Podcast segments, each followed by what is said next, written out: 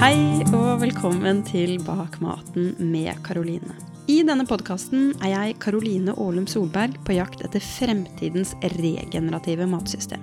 Mange tror denne podkasten handler om regenerativt landbruk, men det er egentlig bare en liten del av det. Det handler om det regenerative systemet som omfatter hele verdikjeden til mat. Jeg ønsker meg altså et matsystem, eller egentlig en hel verden for den saks skyld, som bygger opp igjen alt vi har bygd ned, og samtidig legger til rette for og skaper mer liv, mer mangfold og mer natur. Dette er del to av to episoder med Caroline Hargreaves, som brenner for en litt annen del av det regenerative matsystemet enn vi vanligvis bruker å snakke om i denne podkasten, nemlig det regenerative mennesket. Denne episoden handler derfor ikke så mye om mat, men går langt bak maten, om jeg får lage ordspill av min egen tittel. Karoline er økoterapeut, og i denne episoden deler hun hva økoterapi er, og hvordan hun jobber med det. Vi snakker også om planter og naturmedisin, og kommer inn på intuitiv plantemedisin og de to spennende plantemedisinene ayahuasca og fleinsopp. Karoline står bak plattformen Norwegian Sage, der hun veileder mennesker inn i et mer balansert og harmonisk liv gjennom dypere kontakt med naturen. Hun har en faglig bakgrunn fra internasjonale relasjoner og fredsprosesser, inspirert etter en indre søken etter fred. Før hun fulgte kallet som økoterapeut, jobbet hun som diplomat for Utenriksdepartementet. I dag jobber hun som diplomat for naturen, og benytter seg av forskjellige visdomstradisjoner for å vekke til live urkraft, klarhet og tilstedeværelse. I tillegg til økologi, natur og planter deler også Karoline tankene sine om dagens økonomiske system og hva regenerativ økonomi betyr for henne. Denne episoden anbefaler jeg deg å høre helt ferdig, for mot slutten samler vi trådene fra begge episodene, og det kommer så mye gull her du bare må få med deg. Og du, før vi begynner, så har jeg noe jeg vil dele med deg. Som du helt sikkert hørte i del én av episoden om det regenerative mennesket, så er jeg i ferd med å lansere konseptet Plant Whispers. Plant Whispers er stedet du kommer til når du har bestemt deg for å la hjertet lede vei og finne tilbake igjen til din sti og din natur, men du er kanskje litt usikker på hvordan. Her kommer jeg til å vise deg hvordan du kan skape det livet du ønsker deg, med intuisjonen din og plantene våre som dine viktigste verktøy. På plantwhispers.no kommer jeg til å samle innsikter og visdom om medisinplanter, eteriske oljer, mat, spiritualitet og selvutvikling. Lurer du på hvordan det her er relevant i det hele tatt? Jeg kan bare dele med deg hva jeg ser, men det er en helt ny verden som ikke lenger er bygget på maktkamper, frykt, rigide strukturer og utnyttelse av naturen, men som i mye større grad er leda av hjertet følelser og en enorm respekt for og kjærlighet til naturen, både rundt oss og i oss selv. Jeg vet at du også antageligvis vil være med på dette skiftet, og med det gi slipp på den gamle måten å leve på, og åpne opp for å komme i dypere kontakt med deg selv, og spille radikalt på lag med naturen. Med Plant Whispers så har jeg lyst til å dele med deg hvordan jeg har gått fram for å gjøre det, og hvordan du også kan gjøre det samme. Plantwhispers.no kommer i løpet av de neste månedene, men hvis du har lyst på en smakebit allerede nå, så gå inn på plantwhispers.no skråstrek mat for å laste ned en gratis guide om energi i mat, og hvordan du kan sørge for at maten du spiser, skaper harmoni i kroppen din, og dermed kan være med å være et verktøy som mat egentlig er ment for å være.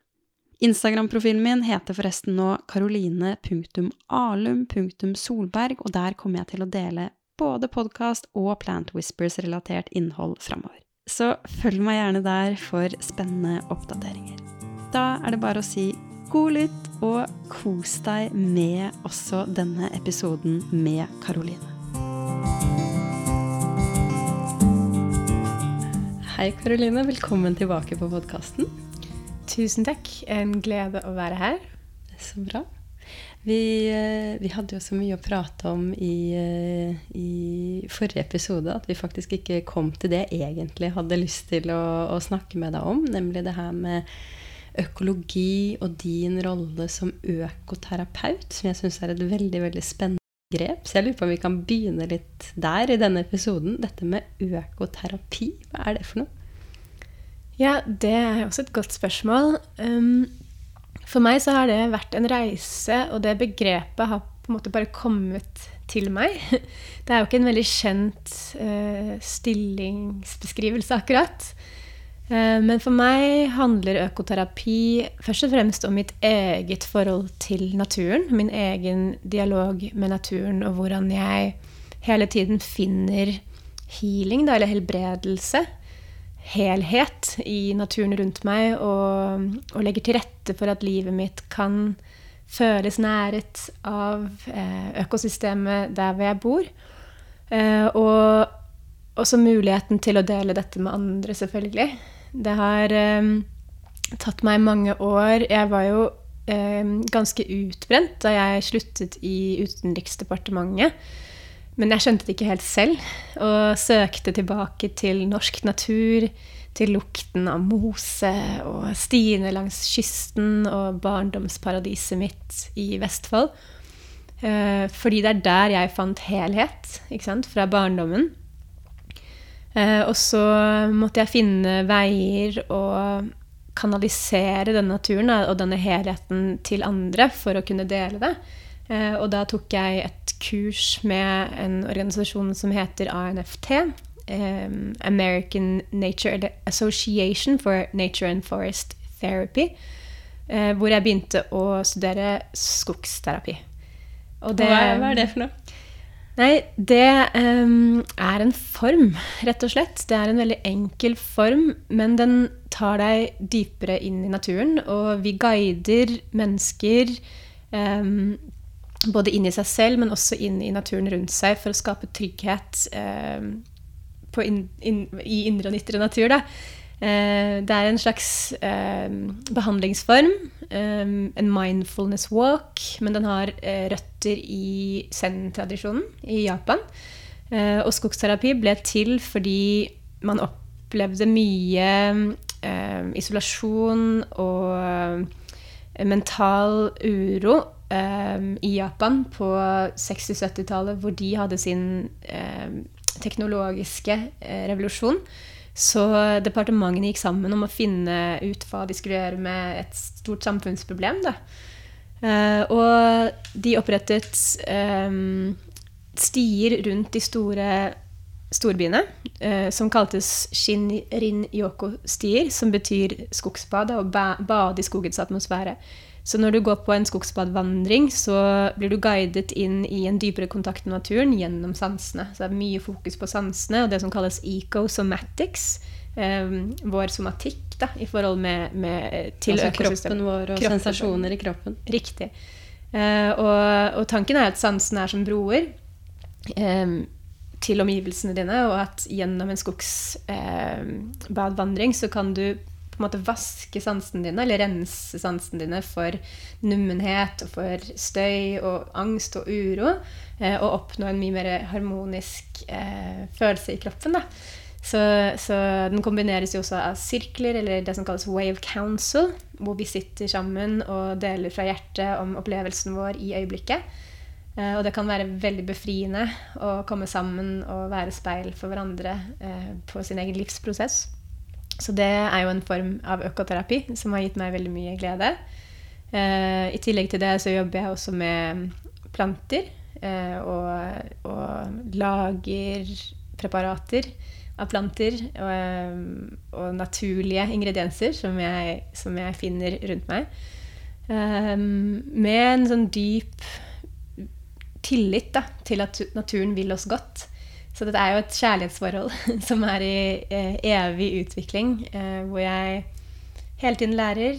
Um, men økoterapien i essens er jo det å anerkjenne naturen som vår læremester. Eh, og så følge råd eh, og følge de stiene som blir lagt foran deg. da. Uh, og det har da ført til at jeg har etablert plattformen Norwegian Sage, som er en, en slags portal for, uh, for, å finne fred og finne tilbake til vår indre og ytre natur. Som også da innebærer overgangsritualer og behandlinger og uh, forskjellige metoder for å skape den harmonien da, som mange mangler i dag. Det var jo på en måte denne terapidelen av økoterapi. Men kanskje du også vil forklare hva, hva økologi betyr for deg? Ja, så for meg så har jo ordet økologi en litt mer utvidet forståelse. Men, men i essens, den tradisjonelle eh, definisjonen av økologi er jo det naturvitenskapelige studiet av forholdet mellom alle levende organismer. Eh, fra på en måte bakterier til dyr og landskapsprosesser rundt hele jorda. Um, det inkluderer jo også livsprosesser og strømmen av næringsstoffer og energi som beveger seg gjennom levende økosamfunn. I senere tid så har jo ordet økologi fått en dypere betydning gjennom eh, Arne Næss, som snakket mye om dypøkologien. Eh, og der mener man jo at eh, alt liv har en sånn dypere, eller en, en verdi i seg selv, og ikke bare ut ifra hvilken nytte den har for mennesket. Så det er menneskeheten som må tilpasse seg naturens behov, ikke sant? Så egentlig stikk motsatt av sånn vi, vi kjører samfunnet vårt i dag. Ja. Og, og dypøkologiens mål er jo å sette spørsmålstegn til det som den moderne vestlige tankemodellen har, um, har på en måte kommet frem til, og, og foreslå alternativer. Da. Så Arne Næss snakker jo veldig mye om at ikke dette her som jeg kaller på en måte bodhisattva-tankegangen, at ikke én en eneste én er reddet før alle er reddet. ikke sant? Eh, at vi alle har et ansvar for å løfte hverandre opp, eh, og som Ramdas ville sagt 'walking each other home'. Um, men i essens så handler jo dypøkologien om solidaritet. ikke sant? Det å ta vare på naturen rundt oss og kultivere et kjærlighetsforhold til eh, omgivelsene våre. Eh, og for meg så har jo økologibegrepet fått en enda dypere forståelse. Økologi er jo sammensetningen av øko og logi, hvor logos eh, står for rasjonalitet og skjellevne og form. Men så har du også økosofi hvor Sofia står for visdom, det feminine, det som flyter. Eh, så jeg prøver å veve de to sammen, økologi og økosofi, for å komme frem til min vei, som handler mer om livets prosesser og eh, overgangsritualer for å markere forskjellige stadier i livsprosessen, ikke sant? Og en, en litt mer helhetlig utforskning av energi i bevegelse eh, de maskuline prinsippene i naturen og de feminine. Eh, og det at eh, vi har et ansvar da, for å ikke bare dyrke kjærlighet til naturen, men også dyrke kjærligheten i oss selv, i vårt eget hjertes jord.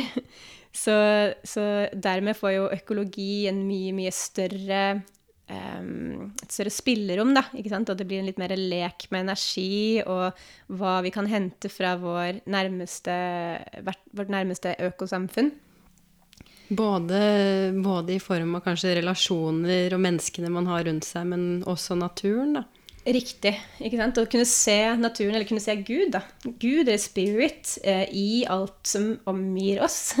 Eh, se at alt henger, henger, sammen med alt, og noe som skjer i en del av nettverket, har en effekt på en annen del. At du begynner å se sammenhenger og begynner å forstå at du har eh, et ansvar, eller vi har et ansvar for å ta vare på det rundt oss. Og jo mer jeg elsker naturen, jo mer vil naturen tilrettelegge for å elske meg tilbake. Mm. og da blir livet bedre, for da føles det tryggere å være menneske, rett og slett. Og jeg snakker mye om denne forbindelsen mellom himmel og jord, og mellom jorda og solen, og syklusene som vi beveger oss gjennom i løpet av et liv. da. Eh, og koble oss tilbake på både den gamle visdommen, men også visdommen som, som ligger der rett foran oss. I en dypere forståelse av vårt eget øyeblikk. Men Kan du ikke gå litt eh, nærmere inn på det her med, med sykluser? Hvorfor tenker du at det er viktig å jobbe med syklusene og, og ta det litt tilbake? Og når jeg sier ta tilbake, så, eh, så har jeg liksom en tanke om at man, man jobba mer syklisk før, kanskje fordi man, man, ble tvunget til det, eller levde litt nærere naturen da, enn det de aller fleste gjør i dag. Mm. Kvinner har jo et potensial for å, stå, for å forstå disse syklusene eh, mye dypere fordi vi har eh, vår egen månesyklus, eller menstruasjonssyklusen. Um, og de sier jo at menn også har sin egen syklus, men at den det krever litt mer å kjenne den igjen. Eh, du har jo syklusen mellom måne og sol, dag og natt. Det er dualitetsprinsippet på jorda. Og ved å eh, være et godt norsk ord for aligne, kanskje justere oss litt mer opp mot disse naturlige syklusene, eh, så vil det føles lettere å være menneske. Fordi du har vinden i ryggen, naturens egne vinder i ryggen. Eh, det f.eks. Å, å vite når du skal slippe tak, og vite når du skal plante frø, og vite når du skal vanne. Altså billedlig? Billedlig, men også f.eks. i biodynamisk landbruk. Mm. Så bruker du jo veldig mye disse, denne syklustankegangen. Det vet du sikkert mer om enn meg. Um, men det med å på en måte oppnå en, en um, mer hva skal jeg si, naturlig flyt da, i livet ved å legge seg opp mot hennes vinner. og jeg sier 'hennes' for naturen for meg. Jeg har en veldig feminin um, Moder jord, på en måte. Mm. Um, det har i hvert fall gjort at jeg har kommet mer i kontakt med min egen natur. Uh, og det handler jo også mye om lytting. Det handler om tilstedeværelse i naturen og følge med på sesongene. ikke sant? Um, det har vært perioder hvor jeg ikke har hatt overskuddet f.eks. til å virkelig være ute og, og, og lytte etter eh, overgangen mellom sommer og høst eller høst eller vinter og merker at jeg da taper noe. At det er en forståelse som ikke kommer helt på plass fra hver overgang til den neste. Så, så dette med overganger eh, og å kunne stå stødig i overganger og, og, integrere overgangen gjennom året, tror jeg også er en av grunnene til at vi mange henger enten foran eller bak seg selv. da og der, dermed heller ikke evner å stå 100% i sin egen sannhet, fordi man, man rett og slett henger litt etter. Men siden vi snakker om eh, økologi og natur, kanskje du kan ta oss gjennom eh, året og de fire syklusene, og hvordan, eh, hvordan vi på en måte kan, kan eh, høste den energien eh, til vårt beste, da. Mm. Og, og, jobbe på lag eh, istedenfor å stritte imot, på en mm. Jeg kan jo bare snakke for meg selv. Mm. Eh, jeg vet ikke om dette er generell kunnskap, men det er i hvert fall det som beveger seg i meg. Jeg ønsker dine perspektiver, og ikke noen sannheter. Ja, eh, nå er vi jo i november. Eh, vi har akkurat passert halloween. Tiden da sløret mellom verdenene er veldig tynt, og vi har muligheten til å opprettholde en kontakt med våre forfedre og kanskje få noen beskjeder fra den andre siden, og muligheten til å, til å ære tidligere generasjoner da, og, se oss selv i en større linje. ikke sant? Eh, for meg så har denne tiden veldig mye kraft, for jeg får mye kraft av den dialogen jeg har med, med min eh, linje. da, Enten det er sterke kvinner i familien min, eller om det går mye lenger bak. Eh, vinteren er den tiden hvor jeg bruker mye tid på stillhet. Eh, stillhet og kanskje hente ned frø, eh, refleksjoner, visdom som har kommet i løpet av året, erfaringer. Um, og jeg aktiverer disse frøene gjennom vinteren i den stille tiden. Um, jeg bruker mye tid ved bålet. Uh, og bruker mye tid på å opprettholde en kontakt mellom mitt eget hjerte og bålet, og en dialog med det stille riket, hjerteriket. Um, frøene vil jo spire i, uh, på våren.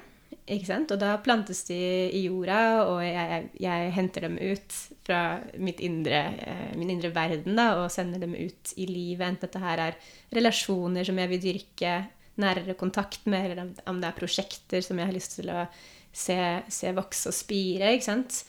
Um, så ser du da hvilke planter som uh, Eller ideer, for den saks skyld, som faktisk vokser. ikke sant? Og i fjor plantet jeg 250 frø. Bokstavelig talt. Eh, og de vokste jo ut av dimensjonene. ikke sant? Og måtte, mange måtte gå tapt, og jeg var trist fordi planten døde. Og bodde i en kjellerleilighet som ikke hadde så mye lys. Men da ser du også at du har ikke eh, Den indre ytre verden korresponderer deg. ikke sant? At det er du kan plante frø på innsiden, og 250 frø vil si 250 prosjekter som alle vokser seg helt Jeg skulle til å si da kanskje du har mange prosjekter i, i, lufta også. Ja, så det handler om beskjæring, ikke sant. Og så kommer sommeren, og så kan man se disse prosjektene blomstre, og du får muligheten til å eh, høste av fruktene på høsten, ikke sant. Eh, og så begynner komposeringstiden. Og dette her er jo også ting som skjer på innsiden, ikke sant. I psyken vår og i det kollektive ubevisste. Eh, så det viktig også da å kunne dyrke sjeldne evne, for å kjenne på hva som er ens eget, og hva som er andre sitt. Eh, og på en måte ha kontroll på prosessen sin. Eh, for vi er jo vi er jo ikke trær, akkurat, men vi har vi kan bruke disse bildene som metaforer og arketyper eh, for å vokse og, for å ja, høste visdom rundt vårt eget liv. Da. Mm. Jeg vet eh, noen bruker å kalle menstruasjonen for den indre vinteren, og for eggløsningen for den indre sommeren. Mm. Og at de på den måten liksom korresponderer med hele året, da, men i vår egen syklus, på en måte. Mm.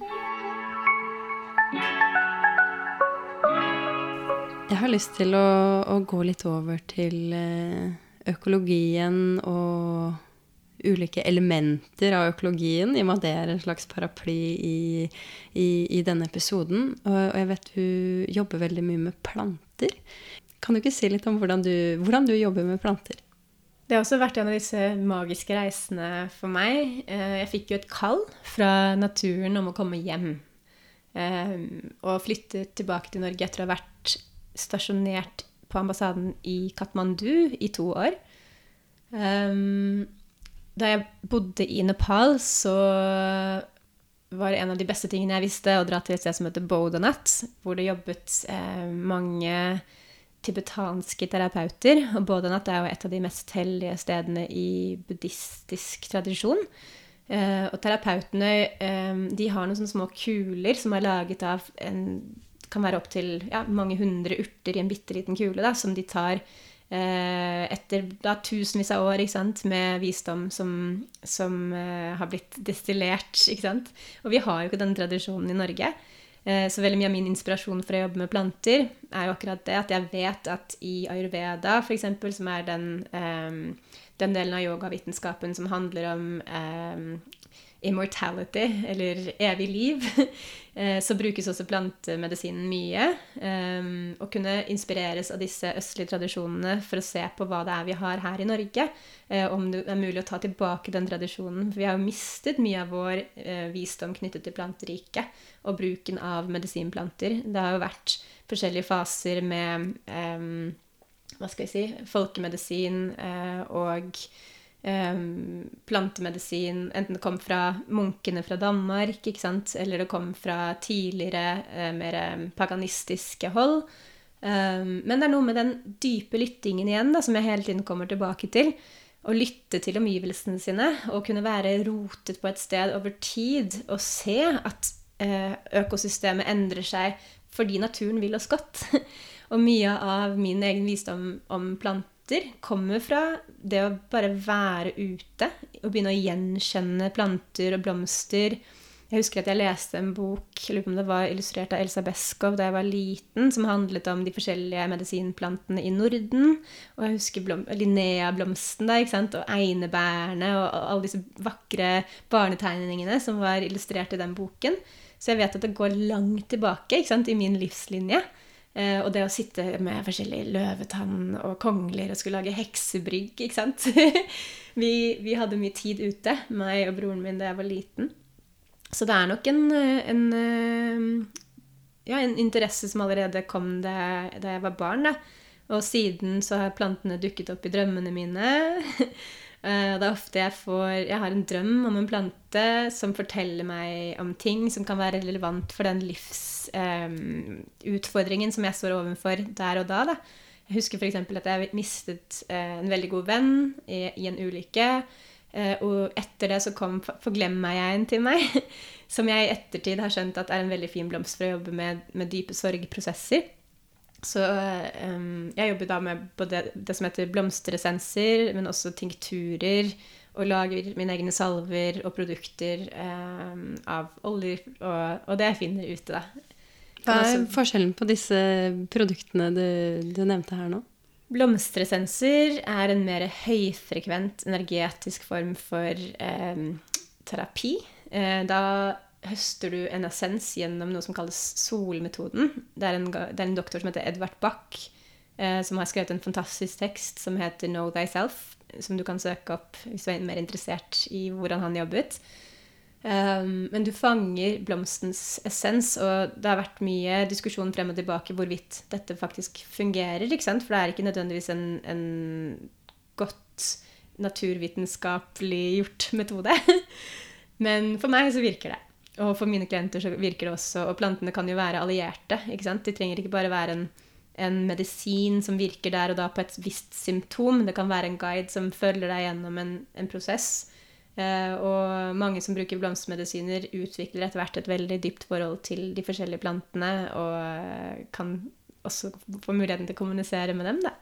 Og så har du tinkturer som er litt sterkere igjen, eh, som også legges på glyserol eller eh, alkohol. Glyserin, glyserol, noe sånt. Eh, og jeg liker å jobbe med alkohol fordi det er en spirit, eh, så jeg føler at den, den transporterer eh, essensen av planten inn i kroppen raskere. Men tinkturer kan f.eks. være av johannesurt eller amanita eller burot eller um, Hva mer har jeg? Shaga. uh, og fra sesong til sesong så endrer jo også varebeholdningen min seg etter hva som finnes og, og hvilke planter som kaller. Og så bruker jeg jo disse preparatene i sammenheng med um, noen av tjenestene jeg tilbyr for Norwegian Sage, som er guiding, energibehandlinger, massasjer osv. Så, videre. så det blir en del av en mer helhetlig form for terapi. da. Du var jo garantert inne på det nå, men, eh, men, hva betyr plantemedisin for deg? Hvis du på en måte skulle oppsummere litt, da. Uh, ja, det har jo vært et omdiskutert begrep i det siste, dette med plantemedisin. Uh, og i, nyhetene så forbindes det ofte med, med mer ulovlige preparater, da, som f.eks. ayahuasca eller sopp eh, som kan være psykadelisk eller ha psykadeliske effekter. Eh, men plantemedisin kan jo også være mye mer subtilt og mye mer naturlig eh, for vår økologi, da. Og en av mine store lidenskaper er jo da å finne frem til hvilke plantemedisiner er det vi har i Norden som er kortreiste, og som har vært en del av vår visdomstradisjon i mange, mange hundrevis av år. De har jo uh, gjort mye forskning på dette og funnet arkeologiske eh, funn hvor det mest sannsynlige har eh, vist seg at vikingene f.eks. brukte en del forskjellige former for plantemedisin. Så, så, det eksisterer i tradisjonen vår. Og, og, jeg leste akkurat en bok som jeg også kan anbefale, som heter 'Sjamansonen' av Ailo Gaup. Som var, en av våre fremste samiske sjamaner eller healere og der snakker han også om at eh, sopp, eller fleinsopp, har eh, mest sannsynlig blitt brukt av eh, samene i nord. Så dette er jo noe som tilhører vår tradisjon og arv. Som du var inne på, så er jo noen av eh, plantemedisinene våre ulovlige. Eh, I hvert fall i Norge. Hva er tankene dine om hvorfor, eh, hvorfor de er ulovlige? En av mange grunner til at det er ulovlig, er jo fordi at man skal kunne opprettholde en viss kontroll rundt dette. Det er jo eh, planter og substanser som kan føre til ganske store bevissthetsendringer. Så det er jo viktig at eh, inntaket eller behandlingene gjøres på en trygg måte. Så jeg skjønner hvorfor at det reguleres, eh, men jeg tror også det er viktig å um, tenke på at vi har eh, skal kunne ha en frihet i forhold til vår egen bevissthetsutvikling. Så i mange land er jo f.eks. sopp eh, i ferd med å bli lovlig. Eh, vi har en liten vei å gå fortsatt i Norge, men det er veldig mange gode krefter som jobber for, for at f.eks. fleinsopp eh, skal kunne tas i trygge omgivelser, og også ikke heller være ulovlig. Jeg vet at Foreningen Tryggere ruspolitikk bl.a. har en kampanje gående nå som, eh, som er en underskriftskampanje eh, hvor man kan eh, bidra til at denne utviklingen skjer. Da. Du nevner jo her at eh, rammene rundt det eh, og en viss liksom, trygghet eh, er veldig, veldig viktig. Da. Kan du si litt om hvordan disse rammene kan se ut? Ja, eh, i min egen erfaring med noen av disse medisinene, eh, så vil jeg si at det er viktig eh, med gode intensjoner for hvorfor man gjør det. Det er viktig med trygge rom og trygge omgivelser som føles nærende. Det er viktig med gode forberedelser. Det kan også være en idé å, å gjøre disse ritualene eller seremoniene i en um, mer planlagt eh, syklus. ikke sant? Litt sånn som vi snakket om i sted, at det finnes faktisk merkedager gjennom et år. Da, enten det er vintersolverv eller det er sommersolverv, eh, høst eller vår. Eh, hvor det kan være mer aktuelt, og du kan ha få en annen type kraft som kommer gjennom. ikke sant? Eh, og så kan det være en god idé å oppsøke en person som eh, har erfaring med det, for at du nettopp skal få den tryggheten. da. Du har jo nevnt to ulike plantemedisiner her som, er, som går mer over i det, det psykedeliske, Beklager. Eh, både ayahuasca og fleinsopp. Eh, har du lyst til å si litt om hvordan de to eh, fungerer, eller hva det er for noe? Ja, eh, ayahuasca er jo en medisin, en plantemedisin som eh, først og fremst kommer fra jungelen. Det er veldig mange forskjellige stammer som jobber med denne medisinen. og det er jo en blanding av noe som heter jagobe og chakrona, som er en blomst og en slyngplante. Eh, som inneholder en substans som kalles DMT, eh, som gjør at du kan oppleve visjoner og ja, ganske store bevissthetsendringer. Da. Komme mye tettere på eh, et plan som eksisterer bakenfor det vi kjenner som ja, vår virkelighetsoppfatning i dag, da. Eh, det er jo en, en, spirit, og det er veldig veldig mye man kan si om det. Men det er jo også en fantastisk rensende medisin. Eh, igjen, den har spredd seg over hele verden eh, og blitt ganske populær. Og det er jo også mye, mange dilemmaer knyttet til akkurat det og den veksten. Eh, men tilbake til trygghet, da. At det finnes en tid og et rom for alt. Og, og hvis man kjenner kallet, så vil man jo kunne åpne seg for eventuelt å, å prøve dette dette. Men jeg lander hele tiden på at uh, det er ikke for alle, uh, og det er en ganske sterk medisin. Um, psilocybin, som er virkestoffet i sopp um, I fleinsopp? I fleinsopp. Og cubensis, som er en annen type uh, strand, da, eller en strain. En slags Hva er det på norsk? da? Sort. Sort, ja.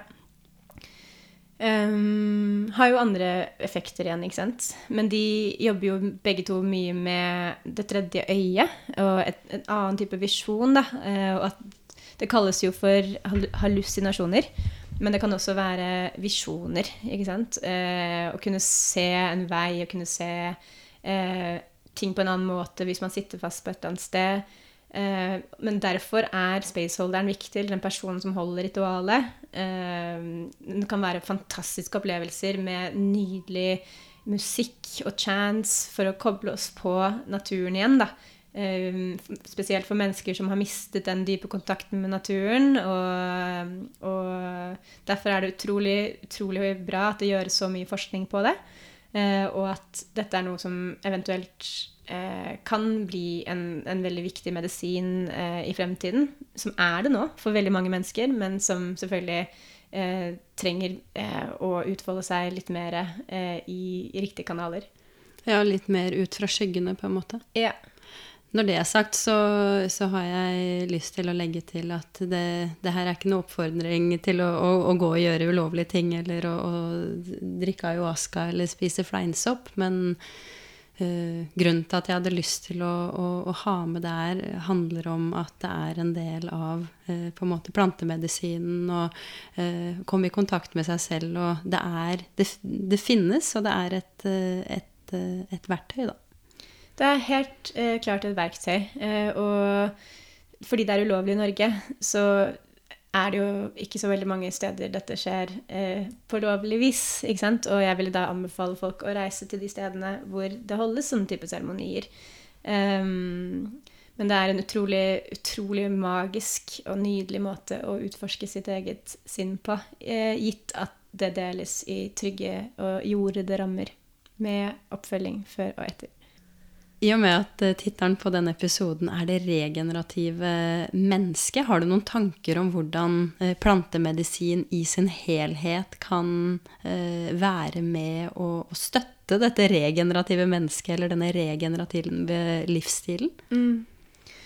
For meg har det hjulpet meg på så mange måter og gitt meg en dypere ro og gitt meg en dypere jording og ført meg i en dypere kontakt med, med kjærligheten til meg selv eh, og alt liv. um, det, og det er kanskje et stikkord her liv, ikke sant? Eh, plantene har en visdom som vi ikke har. Plantene har en sannhet som vi ikke har. Og ved å lytte til plantenes budskap, enten det er en um, enkel blomst som vokser i Jotunheimen, eller det er en slyngplante som vokser i jungelen i Brasil, så kan vi få verdifull informasjon om tilstanden på vårt eget økosystem. Og en eh, mulighet til å regenerere vår egen jord, både på innsiden og utsiden. Eh, og ja, jeg har ikke et så utviklet språk ennå eh, når det kommer til det å skulle beskrive plantemedisiner og hva de gjør med oss. Fordi at det er mye som eksisterer som du sier da, i skyggene eller i det mer mystiske eh, realmet, eller spacet. Men det er noe som kommer til å bli mye mer viktig, og eh, noe som kommer til å komme mye mer opp i lyset eh, i tiden fremover. Eh, og du ser det allerede på de yngre generasjonene at de legger vekk sigarettene og åpner seg mer for planteriket, f.eks. Og det er viktig at det finnes mennesker som kan eh, guide, og som kan dele av sin erfaring og visdom. Så det, er, så det skjer på en trygg måte, og ikke på en shady måte? Riktig. Og at folk reiser seg og forteller historien sin. For jeg vet at det er veldig mange som har mye erfaring med disse medisinene. Eh, sakramentene, som det også kalles. Hellige eh, substanser. Eh, så fra, meg, fra, min side så er jo dette også en oppfordring til at flere deler sin egen historie. Mm. Så i det, i det, store og det hele dette, går det igjen dette med å, å ta det ut fra skyggene og, og, og over i lyset. Mm, nettopp fordi det er, del, det er, en del, skam knyttet til det. ikke sant? Det å gjøre noe ulovlig, eh, eller måtte holde det hemmelig og skjult. Eh, og det har også vært sånn for en grunn, ikke sant? Men, men jeg tror er, vi er i den tiden nå hvor, hvor sannheter skal frem i lyset. Eh, og ulike aspekter av selvutvikling skal få muligheten til å belyses. Så det er litt derfor jeg er her for å dele også. Mm, takk for det.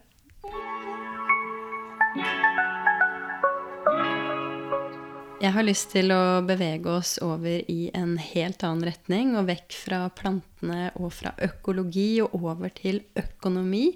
For jeg vet du også har eh, mye erfaring med økonomi, og du har vært med å skrive en bok som heter 'Growing a New Economy', som, eh, som bl.a. handler om hvordan alle krisene vi opplever på jorda, har rot i det økonomiske systemet. Så jeg lurer på om du kan dele med oss eh, litt om hvordan det henger sammen. Mm. Eh, den boken kom som en sånn merkelig, magisk oppdrag da jeg studerte på London School of Economics and Political Science, hvor det var veldig mye fokus på nyliberal økonomi, eller neoliberal economics. For de som ikke er så kjent med det, hva betyr det? Det er, det er jo den modellen vi opererer etter i dag, hvor naturen blir sett på som en del av det større økonomiske systemet, og ikke, at, ikke motsatt, at naturen på en måte kommer først, og at det økonomiske systemet er en del av naturen. Så motsatt av denne dype økologien som du beskrev i stad. Akkurat det. Uh, og 'Growing a New Economy' den um, er først og fremst hjertebarnet til en, um, min medforfatter som heter Roar Bjønnes. Utrolig dyktig um, økonom. Og jeg fikk muligheten til å være med og gjøre research og også skrive deler av boken. Men det handler også om da, hvordan disse krisene henger sammen. Du har gjeldskrisen, du har ulikhetskrisen, du har biodiversitetskrisen, og så har du også um, den menneskelige krisen, eller den spirituelle krisen. Uh, og alle disse krisene, inkludert humanitære kriser i forskjellige land i verden, um, henger jo sammen med hverandre. ikke sant? Eh, og jo mer jeg begynte å forske på det, så gikk jeg fra kompleksitet ikke sant? og se alle disse forskjellige faktorene til å begynne å se på hvordan ting faktisk henger sammen. Da, ikke sant? At gjeld i ett land eller en finanskrise kan ha en effekt på en sultkrise i et annet land. Eh, og på den tiden så studerte jeg fredsprosesser eh, og konfliktanalyse, så jeg var veldig opptatt av um, å se på hvorfor hvorfor det blir krig, og jeg kjente jeg hadde mye medfølelse og veldig mye um, sårhet i meg selv uh, for disse krigene som varer i mange, mange år, da, ikke sant? Um, og studerte også noe som kalles resilience, som på norsk oversettes til motstandsdyktighet. Uh, og hvordan da skape motstandsdyktige økonomier i uh, møte med kriser. Ikke sant? Eh, og i den prosessen av å skrive den boken så begynte jeg å forstå at alt henger sammen med alt. Som Gro Harlem Brundtland ville sagt. Men det å, det å um, se på hvor er røttene her, ikke sant? hva er det det bunner i? Og både kriger og, og kriser og økonomisk ustabilitet bunner jo i at vi har et vi har et helt ødelagt forhold til naturen der vi bor. ikke sant? Eh, og at det finnes måter å forvalte ressursene våre på eh, som er helt forskjellige fra de som eh, brukes i dag, eller de metodene som brukes i dag, Men f.eks. mer fokus på lokale eh, lokaldemokrati, mer fokus på sirkulær økonomi, hvor det er en jevnere flyt eh, av ressurser osv. Så, videre. så det er litt det boken utforsker. Hvordan henger krisene sammen? Eh, og hva er det som skal til for at vi kan begynne å tre inn i en verden som har mer balanse mellom de forskjellige systemene? Hvis du skulle oppsummert liksom, dagens økonomiske system uh, i, i, noen setninger for å liksom, koke det ned. Hvordan, uh, hvordan ser det ut uh, i dine øyne? Det er en kjempestor knute, rett og slett. Som ikke ses på som en husholdning, men som ses på, ses på som en maskin. ordet økonomi kommer fra oikos og nomia, som faktisk betyr husholdning. Eh, og vi har ikke oversikt lenger. Ikke sant? Vi har ikke oversikt over vår egen indre økonomi, hvordan ressursene fordeles på innsiden av oss selv og, og spiller sammen.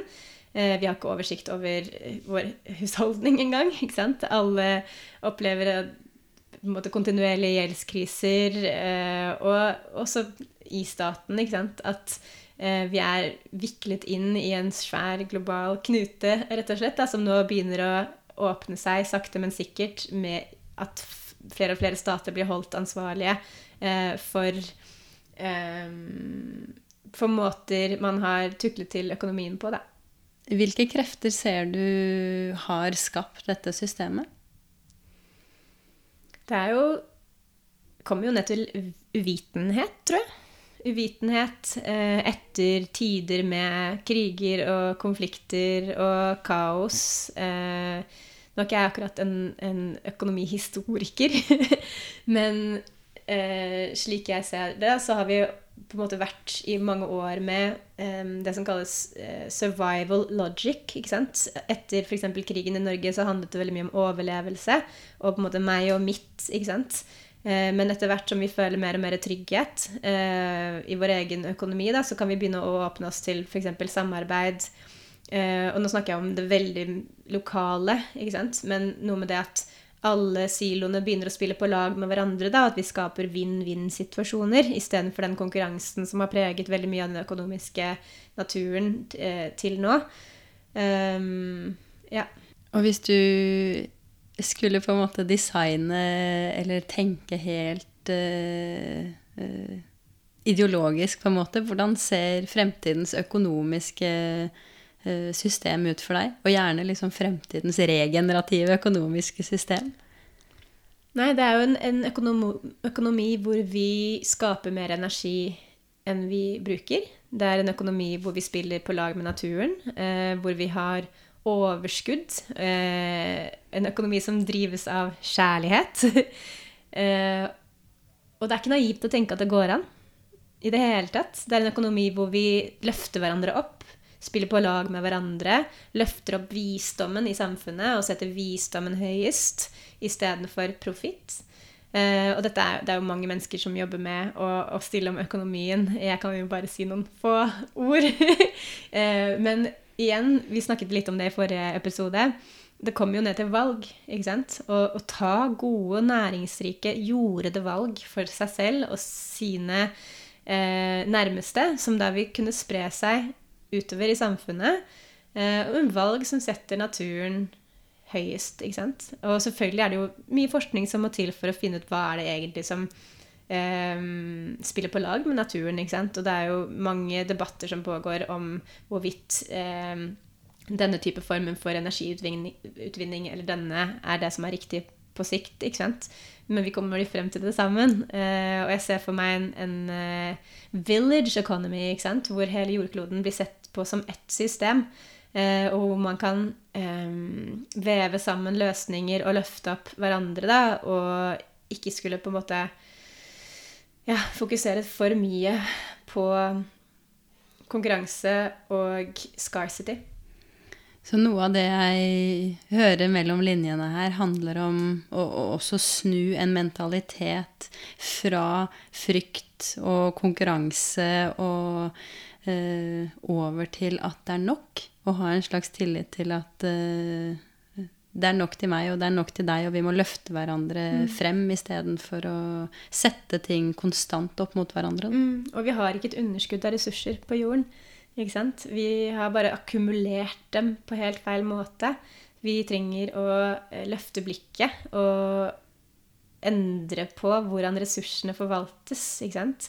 Eh, og du ser jo også at flere og flere innser at vi har for mange ting bare som et lite eksempel, da, og ved å kvitte oss med ting som kanskje andre vil ha igjen, og ved å velge gjenbruk og, og bidra til resirkulering på antall av flaskene, så blir ressursene etter hvert satt i omløp. Fordi det er nok ressurser på jorda til alle, men det er blokkeringer som gjør at det ikke flyter fritt. Ikke sant? Um, og det kan hver og en ta ansvar for at, at åpnes. Jeg har lyst til å dele en utrolig morsom historie fra da du kom inn i, i rommet her for å sette deg ned og, og spille inn podkast her i dag, hvor du eh, ser en veldig unik veske som jeg har på veggen, og som jeg har kjøpt på Fretex, som du faktisk har levert fra deg og fått fra din eh, tidligere svigermor fra Hvor var det den var fra? Guatemala. Guatemala.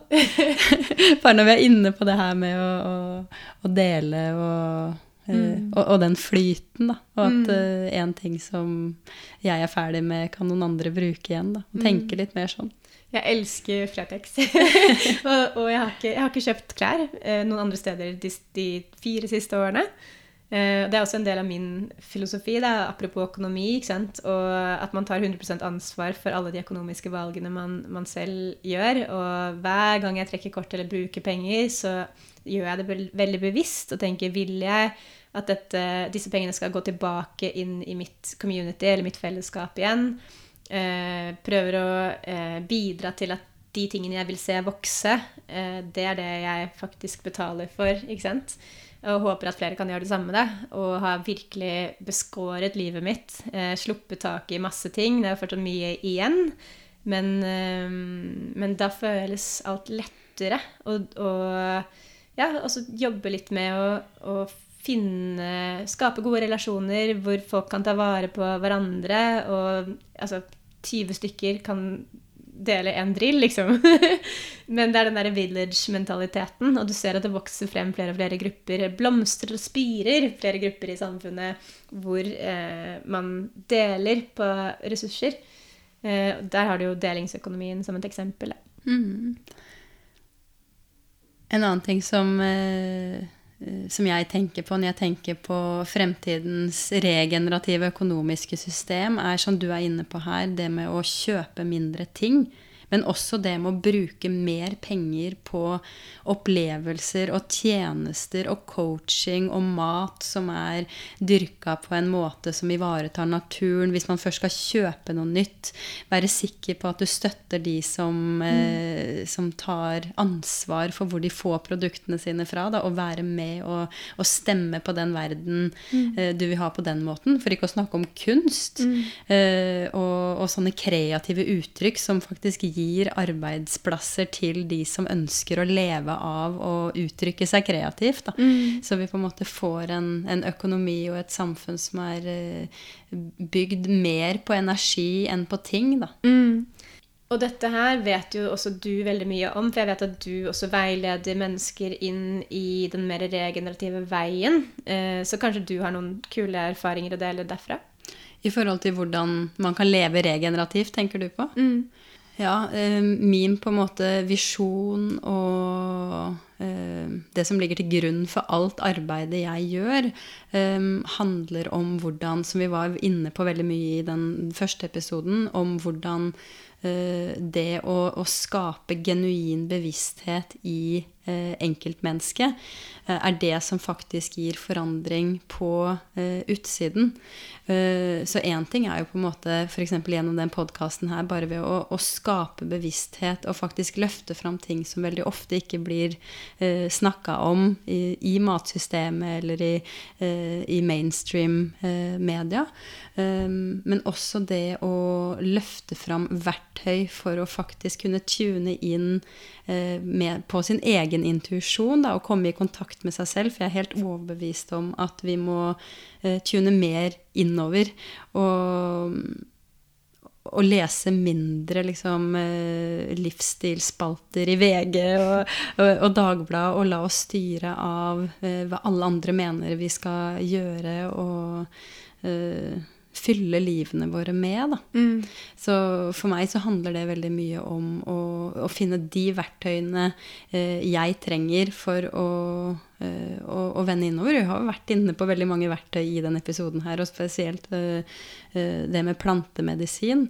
Eh, så det er jo på en måte mange ting man kunne snakke om der, og én ting jeg vet vi to bruker begge to. Og før vi starta denne episoden her, så tok vi en tolv minutters meditasjon for å på en måte eh, begynne litt på, på blanke ark. Da. Så det er jo kanskje, hvis jeg skulle trukket fram én ting for å, å begynne på liksom denne regenerative livsstilveien, så er det å puste litt med magen og, og meditere, da. Mm, å sette av tid til seg selv og sin egen prosess, da. Ikke sant? Eh, jeg opplever at veldig mange som kommer til meg, har så fulle dager at de måte nesten ikke får til det dype pustet engang. Fordi vi bare har fylt opp eh, hverdagen vår med forskjellige ting som vi må gjøre. eh, og at eh, det å designe sitt eget liv, det er en oppgave i seg selv. Ikke sant? Men du trenger å kunne stoppe opp på et eller annet tidspunkt. Og det er aldri for sent å, faktisk begynne å prioritere deg selv. Da. Og her kommer jo selvkjærlighet inn, som vi ikke har snakket om så mye, men at mye, mange av valgene mine kommer jo fra akkurat det. Å ta denne healing-reisen på alvor og begynne å gi meg selv av den kjærligheten som jeg ønsker å se utfolde seg i verden. Da. Der er også du helt rå. så, så, jeg er veldig glad for at vi er flere som begynner å dele denne visjonen. Eh, jeg legger f.eks. veldig godt merke til nå når jeg snakker fra hjertet, og når jeg snakker fra hodet. Kan være derfor det er litt vanskelig for meg å snakke om økonomi. For det er en del av liksom Da spretter det opp i hodet, ja, på en måte? Ja, da går jeg opp i hodet igjen og henter frem kunnskap og fakta. Eh, men det er også en del av veien min. Eh, men jeg merker at i dag så styres jeg mye mer av hjertet. Og jeg kjenner det på stemmen min, jeg kjenner det på roen, jeg kjenner det på Eh, hvordan jeg tar meg mer tid til å legge pause mellom ordene osv. Og alle er jo diplomater for naturen på sitt vis. ikke sant? Så vi kan dele denne kunnskapen hvor enn vi er. Enten du jobber i Statoil eller i et konsulentfirma eller dette med pusten, dette med intensjon Hvorfor gjør vi dette? Hvorfor er vi her? Hva er det vi er her for å få til, eh, jobber jeg faktisk på eh, eh, naturens premisser, eller bidrar jeg til noe som er med på en måte å forstyrre og ødelegge eh, naturen rundt meg. da. Mm, både på innsiden og utsiden. Akkurat det. For det vil ha en effekt på, på, deg og det du føler i kroppen. For ting henger sammen. Så, så, jeg er veldig glad for å bli invitert hit og få muligheten til å snakke om det. Ehm, det, er, det blir mer og mer relevant. Og jeg opplever også at eh, flere kvinner reiser seg. Eh, vi har jo en visdomsarv. Ikke sant? Dette her er jo visdom som ligger i blodet vårt. På en måte og, og eh, sitrer som stjernestøv til vi er klare for å åpne oss for den. Um, men vi har jo hatt mange, mange år og generasjoner med um, spenning og contraction, eller lukkethet, da, som har gjort at vi ikke har hatt muligheten til å koble oss tilbake på økosystemene våre for å kjenne etter hva som beveger seg, og kunne bruke denne visdommen eh, på en praktisk måte. Jeg liker å se på det på den måten at vi er, vi er født rene, men så blir vi født inn i en verden også med, med veldig mye, eh, som du sier, contractions, eller ting å holde igjen den naturlige flyten av energi, mye frykt. Eh, mye skam som har vært med oss gjennom generasjoner. Eh, en manglende evne til å håndtere spontant uttrykk av følelser. Eh, For det er jo noe, hvis du ser på et barn, så er det jo bare 100% følelser, mens vi lever i et samfunn i dag hvor, hvor det å vise følelser, og, og ikke bare jeg har tenkt lenge at, at det er skam, skamfullt å, å vise vonde følelser, men det er jo også faktisk skamfullt for veldig mange å vise mye glede og, eh, og, og uttrykke seg eh, i det hele tatt. Da. Så jeg liker å se på liksom denne reisen som vi, vi begge to beskriver her, som en måte å eh, ta av seg disse, disse eh, tingene man har lagt oppå av det som ikke egentlig er vår essens. Da du sa stjernestøv, som fikk meg til å tenke på støv, og liksom konstant gå rundt og liksom børste vekk støv og møkk fra oss selv, så vi bare kan være oss selv. Ikke sant? For meg så er det ikke mer komplisert enn det. Det handler om å komme hjem og bli meg, og ikke bli noe annet. Og dette her er kanskje det aller viktigste temaet som vi har snakket om til nå. Og så kommer det helt på slutten. det- Jeg håper for folk en- har hørt på alt til nå. For en perfekt avrunding, da. Ikke Ja. sant? Eh, det handler om sirkulasjon. Ikke sant? Å kunne sirkulere disse inntrykkene og disse knutene som har satt seg så fast siden vi var små og kom inn på jorden og opplevde dette voldsomme trykket fra omgivelsene våre og mangelen på omsorgspersoner som kan håndtere følelser, og kanaler for å kunne uttrykke følelser. Vi er den generasjonen som ikke har fått muligheten til å virkelig forløse oss selv da, gjennom tårer og rop og skrik og? Og det, det kan føre til forskjellige typer diagnoser, som ADHD og, og, og bipolaritet og depresjoner osv. osv. Uten at jeg er en, eh, en lege som har komplett oversikt over dette. Eh, Men så handler det igjen om ok, ta healingreisen da, og, og prioritere det. Kom ut på den andre siden, og så finner du ut hva dine sår er, og hvordan du kan hjelpe andre med å eh, åpne seg. eh, Og lege sine. legge sine. ikke sant? Og da snakker vi om tjeneste til, til jorda, og tjeneste til eh, at den flyten av kraft og kroppens naturlige intelligens sant, skal få lov til å, å flyte fritt. Og så er spørsmålet hvem er publikummet vårt? Hvordan skal vi gjøre det? Hvilke kanaler har vi?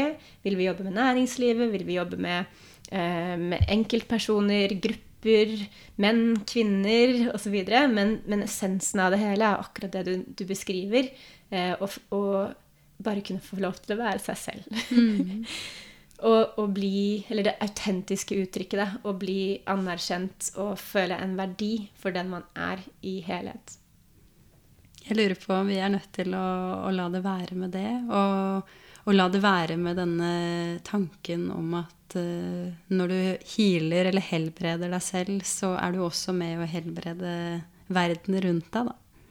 Tusen, tusen takk for at du var med på podkasten igjen, Karoline, og at du ville være med på to episoder. Eh, Og tusen takk for at jeg fikk lov til å komme. Det er så fint å være hos deg, og det lukter til alle lyttere så lukter det helt fantastisk i dette rommet, fordi Karoline er utrolig flink med aromaterapi. Så jeg, sittet, følte at jeg har sittet i en sånn blomsterhage hele, på hele reisen. Så takk for det. Så håper jeg at vi finner noen spennende måter å samarbeide på om dette videre, for det er jo visdom som er av veldig stor verdi i den tiden vi lever i. Mm, som må ut nå. Ja!